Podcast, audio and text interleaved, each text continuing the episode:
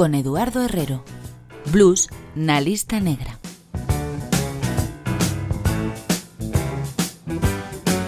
Non te vou enganar, estamos perdendo a batalla. Toda esa mal chamada música que triunfa hoxendía, todos eses produtos insustanciais, ocos, avanzan na sedación colectiva da nosa sociedade. Hai estudios universitarios recentes que veñen demostrar os efectos nocivos deses xéneros que dominan o mercado actual.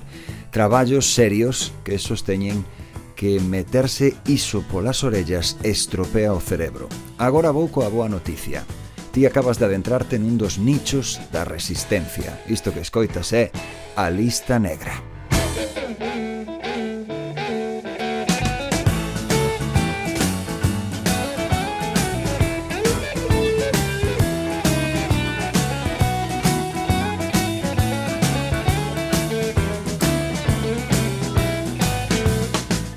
Nesta próxima hora imos combater o encefalograma plano que nos condenan as modas a base de pildorazos de blues, a música máis honesta que existe. Queda moita guerra e non nos sabemos render. Hoxe recorremos ademais o arsenal dun artista que aunaba unha voz fabulosa unha técnica guitarrística ao alcance de poucos. A lista negra recibe con todos os honores a Otis Rush. Esta é a hora do blues, a lista negra.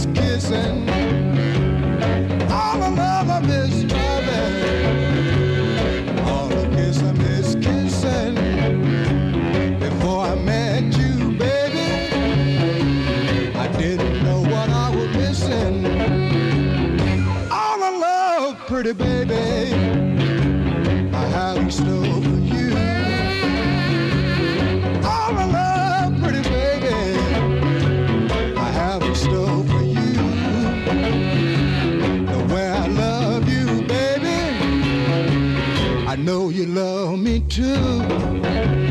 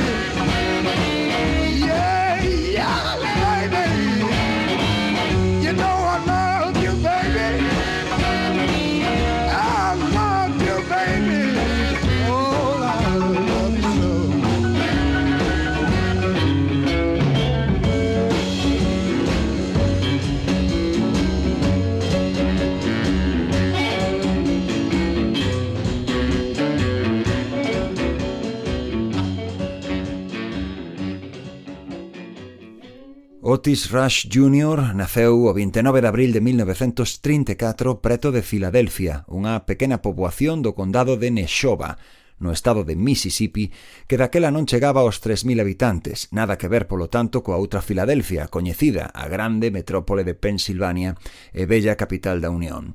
Seus pais, Otis Rush Sr. e Julia Campbell, eran granxeiros. Tanto o pequeno Otis como os seus seis irmáns traballaron no campo desde a súa infancia. O coro da igrexa supuxo a primeira ponte familiar coa música. Aos oito anos, Otis Jr. comezou a tocar a guitarra de maneira autodidacta.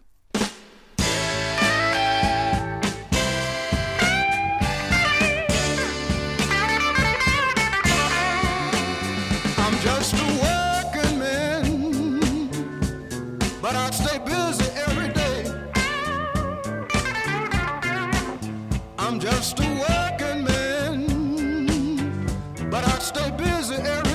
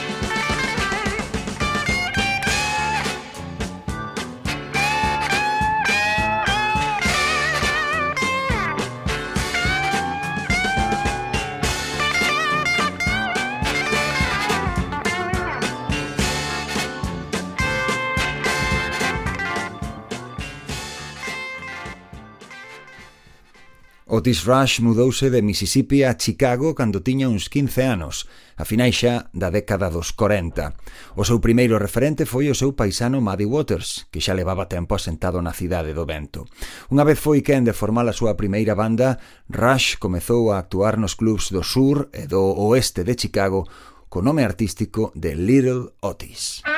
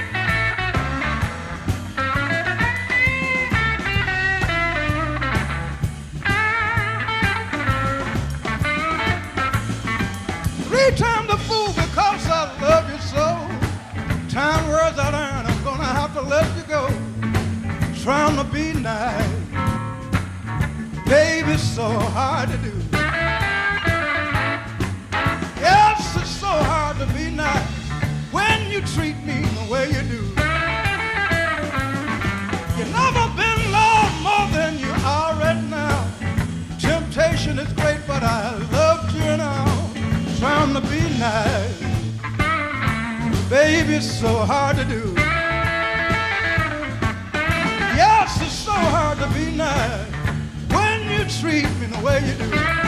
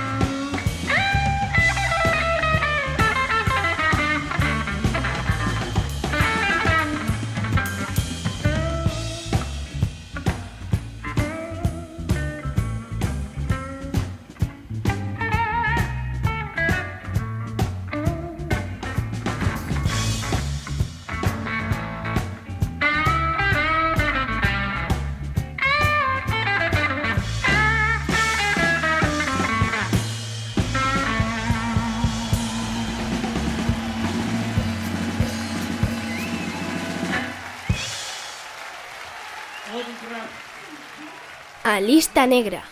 Os grandes do blues. En Radio Galega Música. Otis Rush asinou o seu primeiro contrato de grabación aló por 1956. Foi co selo independente Cobra Records. O seu primeiro single foi un blues lento de 12 compases escrito por Willie Dixon e titulado I Can't Quit You Baby, Non podo deixarte, pequena, que supuxo tamén a estrea oficial da propia discográfica. Male a tratar un tema delicado aínda nesa época, unha relación adúltera, a que o protagonista da canción se resiste a poñerlle fin, converteuse nun éxito absoluto na lista de Billboard, onde acadou o posto número 6. Rush gravaría unha nova versión dez anos máis tarde e xa en 1969 Led Zeppelin tamén incluiría a súa no seu álbum de debut. O tema, revisitado por máis de 30 artistas co paso do tempo, acabaría sendo todo un estándar do xénero. Aquí te a versión orixinal dese I Can Quit You Baby. Well!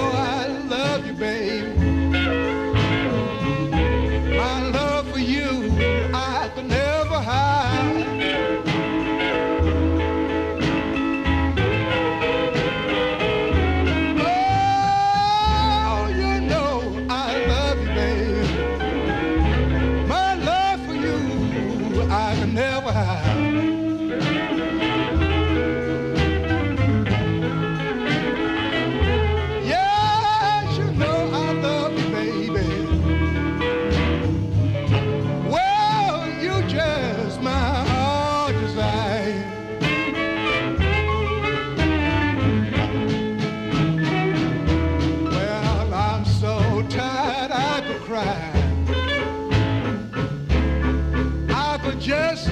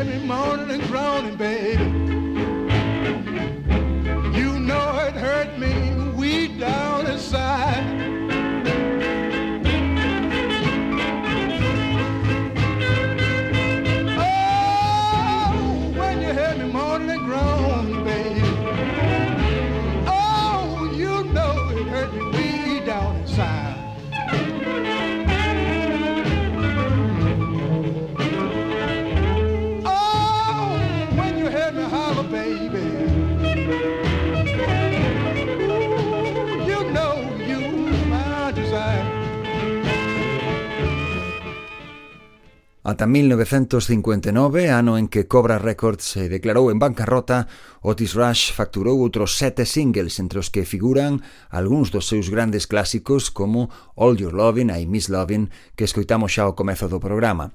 Nalgúnas desas grabacións contou co apoio de outros notables guitarristas como Jody Williams ou Ike Turner, que a finais de 1958 se encargou das características partes de vibrato nestoutra peza esencial no repertorio de Rush que vai soar de seguido, unha composición orixinal que despois adaptaría Eric Clapton e inspiraría o nome da banda de acompañamento do outro monstro das seis cordas, Stevie Ray Vaughan, un tema producido por Willie Dixon, que tamén tocou o baixo na toma definitiva, escrito por Otis Rush despois de escoitar o lamento dunha muller por unha mala man nunha partida de póker, Double Trouble.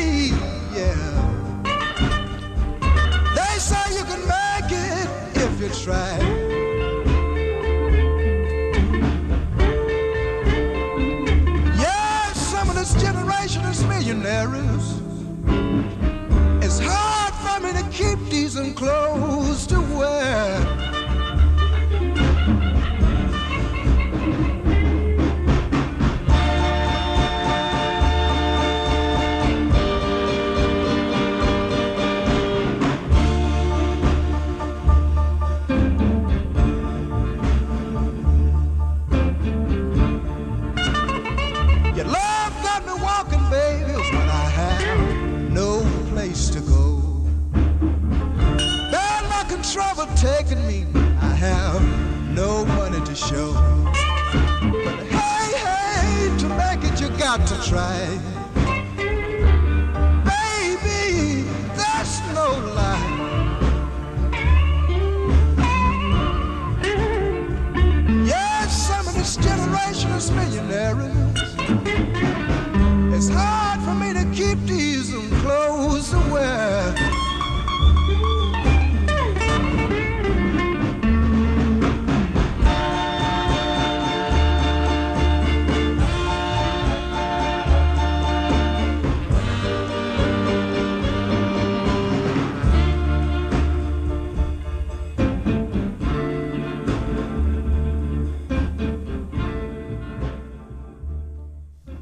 1960, Otis Rush asinou un novo contrato desta volta coa discográfica de referencia na escena blues de Chicago, Chess Records.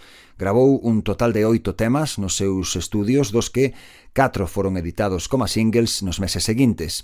Esas catro cancións e dúas máis tamén acabarían incluídas xa en 1969 nun deses LPs típicos de Chess en que dous artistas distintos protagonizaban as dúas caras do vinilo. O compañeiro de Rush naquela publicación sería outro dos que tiveron un paso efémero polo selo, Albert King. Xa en 1962 Otis probou sorte con Duke Records, con quen asinou un único single, iso sí, rebosante de groove, este delicioso Homework.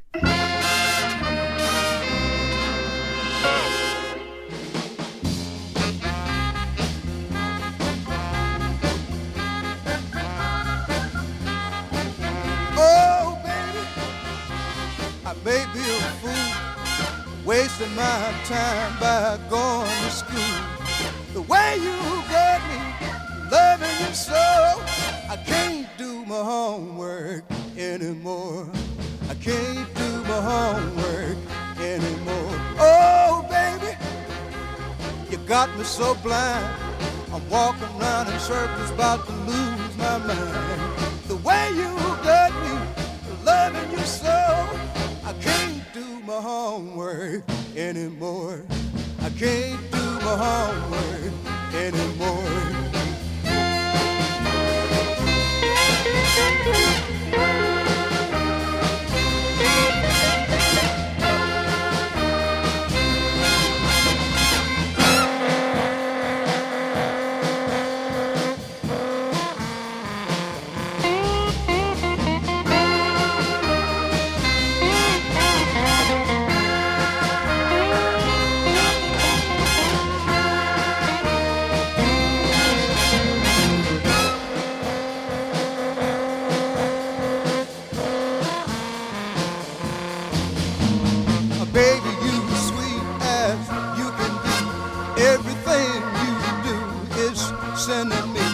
Just a kiss of your lips or the touch of your hand. Whatever you do, it's really grand. Oh, baby, what can I do? Walking around in circles in love with you.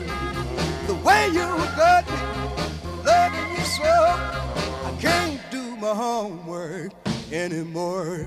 I can't do my homework anymore. Anymore.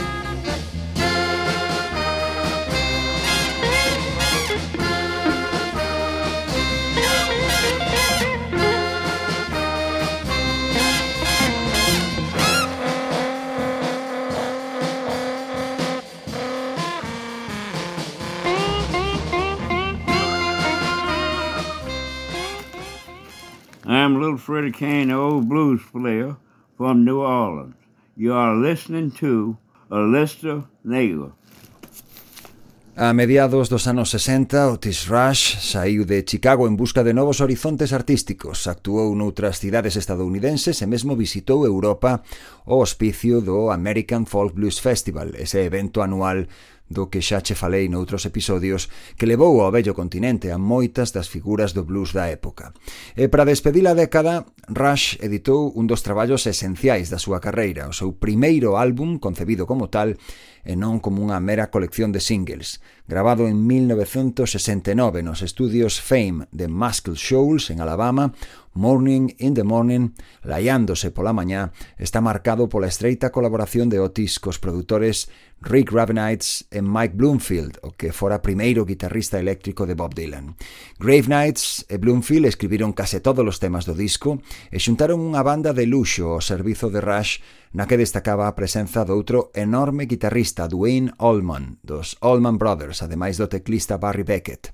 Morning in the Morning levou o blues de Otis Rush ata terreos limítrofes co soul e co rock, o que provocou críticas despiadadas naquel momento. Pero o tempo acaba poñendo todo no seu sitio e hoxe ninguén dubida de que é un LP cargado de grandes momentos como este Can't Wait No Longer.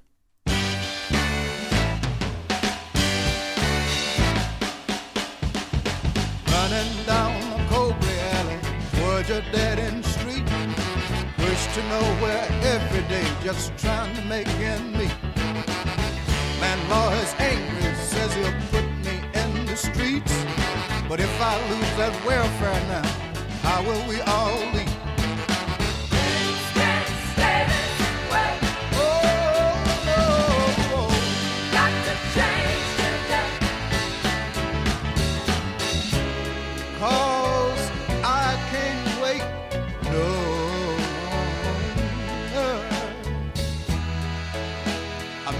eat? can't stand and watch his life go down. You can't get out the water if you can't see no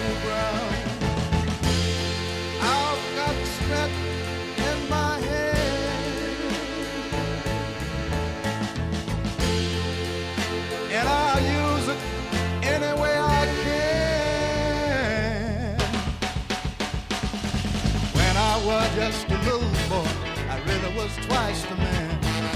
I saw things when I was ten, you still couldn't understand. Talking about my life, you made it that way. Someone took it all from me, and someone has to pay.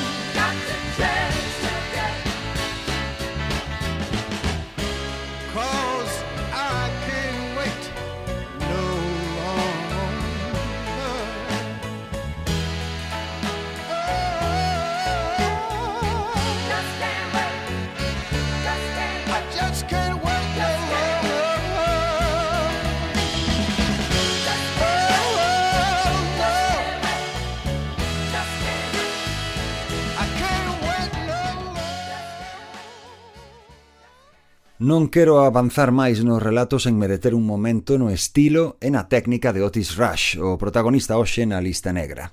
Rush era zurdo e tocaba cunha guitarra adaptada, como Albert King ou Jimi Hendrix. Porén, colocaba a corda grave de Mi na parte inferior do mástil, é dicir, cambiaba a primeira pola sexta. Iso dáballe unha sonoridade moi peculiar. Ademais, como a Magic Sam ou Buddy Guy era un mestre á hora de estirar as notas, se cadra cun xeito de cociñalas algo máis repousado que eles. Mike Bloomfield, de quen che falaba antes, foi un dos seus primeiros discípulos ilustres, pero o pouso de Otis Rush é innegable tamén noutros moitos guitarristas de primeira fila, como a Peter Green ou Eric Clapton. A súa destreza singular á hora de deslizar os dedos polos trastes, Rush sumaba unha poderosa voz de tenor de amplo alcance.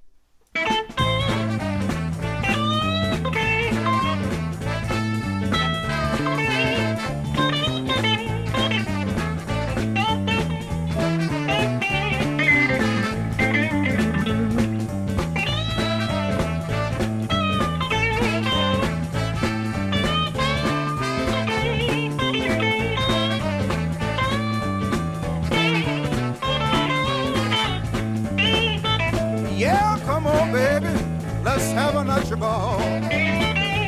Yeah, come on, baby, let's have a nutty ball.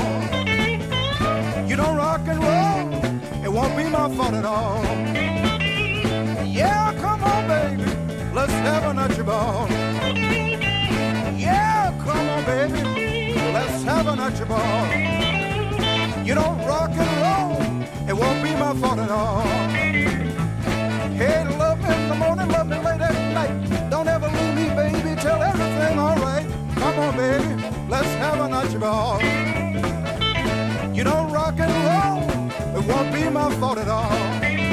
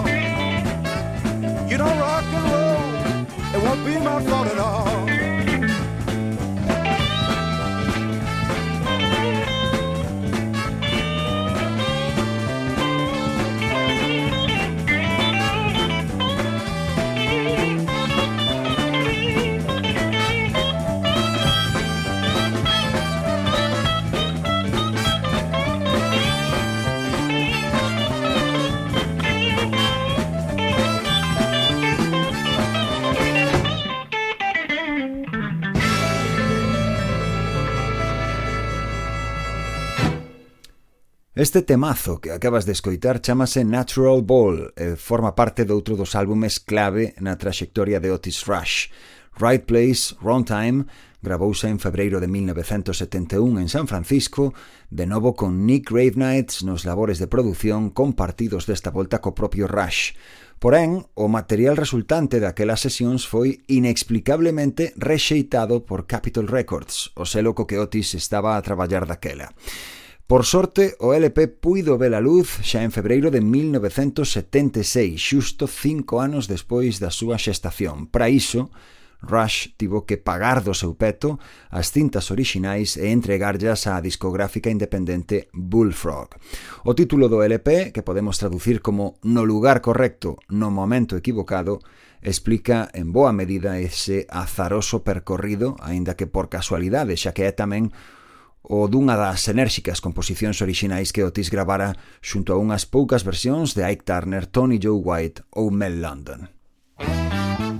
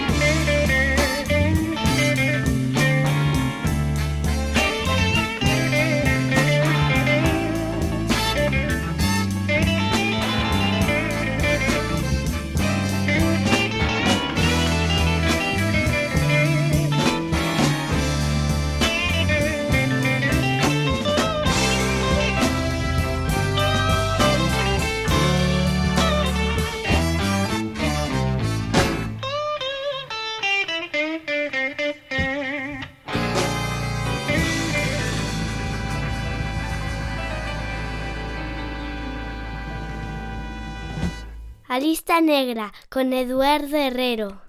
Despois dunha serie de grabacións pros selos Delmark e Sonnet Records na segunda metade dos anos 70, Otis Rush retirouse temporalmente do negocio da música. Non houbo noticias súas durante máis dun lustro ata que en 1985 decidiu regresar aos escenarios. Daquela xira polos Estados Unidos saiu un notable álbum ao vivo, Tops, que documenta o seu paso polo Festival de Blues de San Francisco, un dos eventos máis importantes e máis lonxevos dedicados ao xénero que nos ocupa, celebrado ininterrompidamente desde 1973 ata 2008 Rush compartiu cartel naquela edición con figuras como John Lee Hooker, Robert Gray, Bonnie Raitt ou Carlos Santana.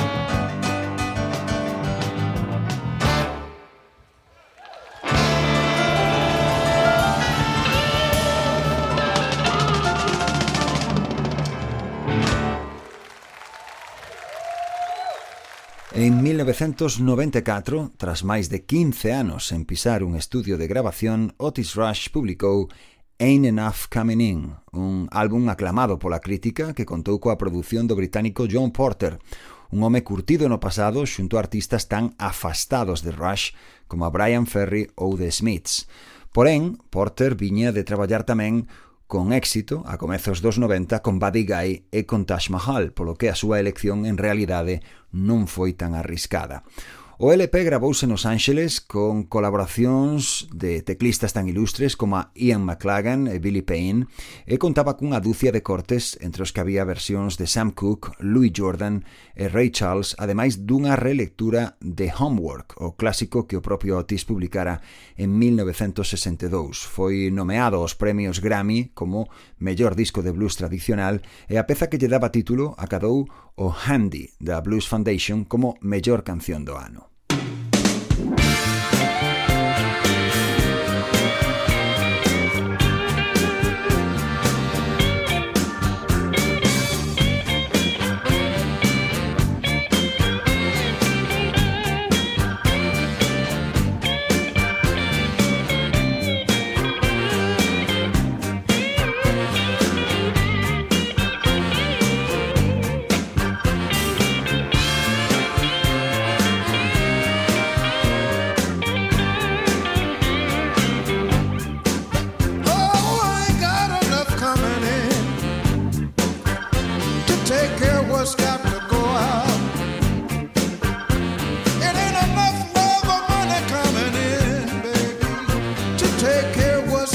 the boy.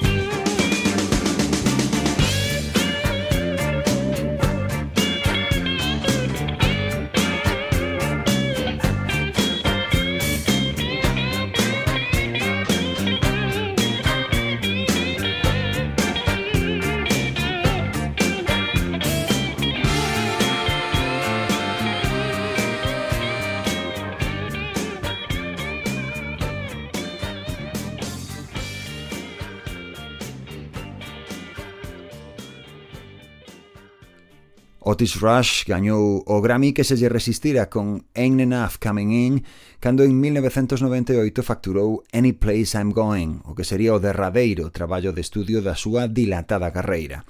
Un disco solvente, pero quizáis algo menos inspirado que o anterior. Rush mantívose activo en directo ata que en 2003 sofriu un ataque ao corazón que o forzou a se retirar xa de maneira definitiva. Membro do Salón da Fama do Blues desde 1984, Otis Rush morreu en Chicago o 29 de setembro de 2018, aos 84 anos polas complicacións do outro infarto. Desde este preciso momento pasa a formar parte tamén da lista negra deste programa. Música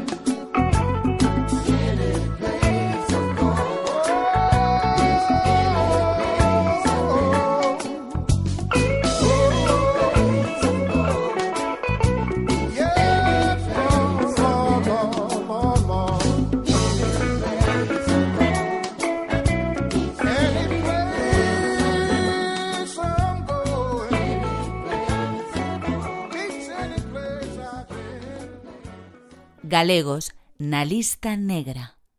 Rematamos e facémolo como sempre con Blues feito en Galicia, desta volta da man dunha banda que está a presentar o seu último traballo, a Martín Saneiros Band, o proxecto que comparten a vocalista Paula Martins e o guitarrista Víctor Aneiros, por certo, zurdo, como o noso protagonista doxe, Otis Rush. Rain, chuvia, ese é o novo álbum da Martín Saneiros Band e este é o temazo que lle dá título.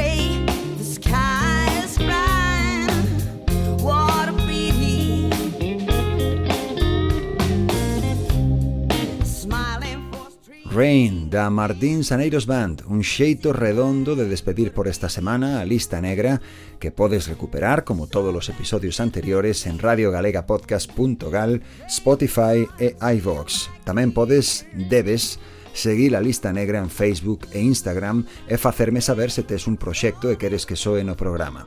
Eu son Eduardo Herrero e non has tardar en volver saber de min porque cando xa non quede nada, o blues seguirá aí.